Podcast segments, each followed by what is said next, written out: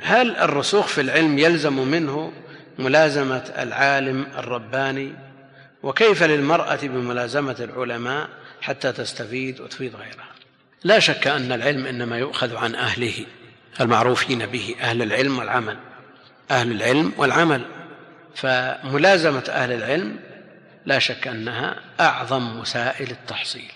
أهل العلم أهل النصح لطلابهم ولا يوجد أهل العلم من أهل العلم يوجد من إذا أردت أن تقرأ عليه نظر في مصلحته هو لا في مصلحته فينظر إلى كتاب يحتاجه هو فقال أحضر الكتاب الفلاني.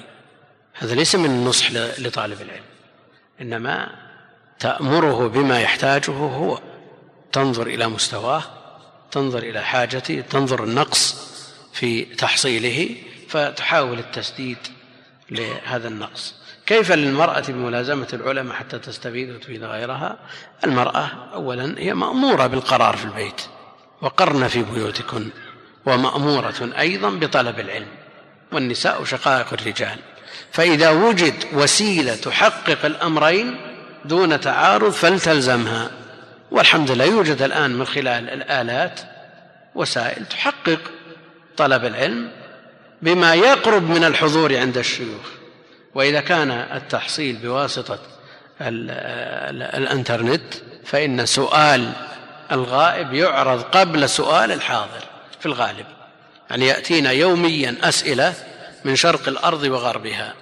يأتينا من كندا ويأتينا من أستراليا في آن واحد. وما بين ذلك؟ ويجاب عليها ويحرص عليها أكثر من أسئلة الحضور. وهذه أسئلة من سائر أصقاع الدنيا من ليبيا من فلسطين من الجزائر من الإمارات من المغرب من هولندا. ويأتينا أحيانا من جزر نبحث عنها في معاجم البلدان القديمة والجديدة ولا, ولا توجد مما يدل على أن هذا العلم وصل إلى كل صقع من أصقاع الأرض.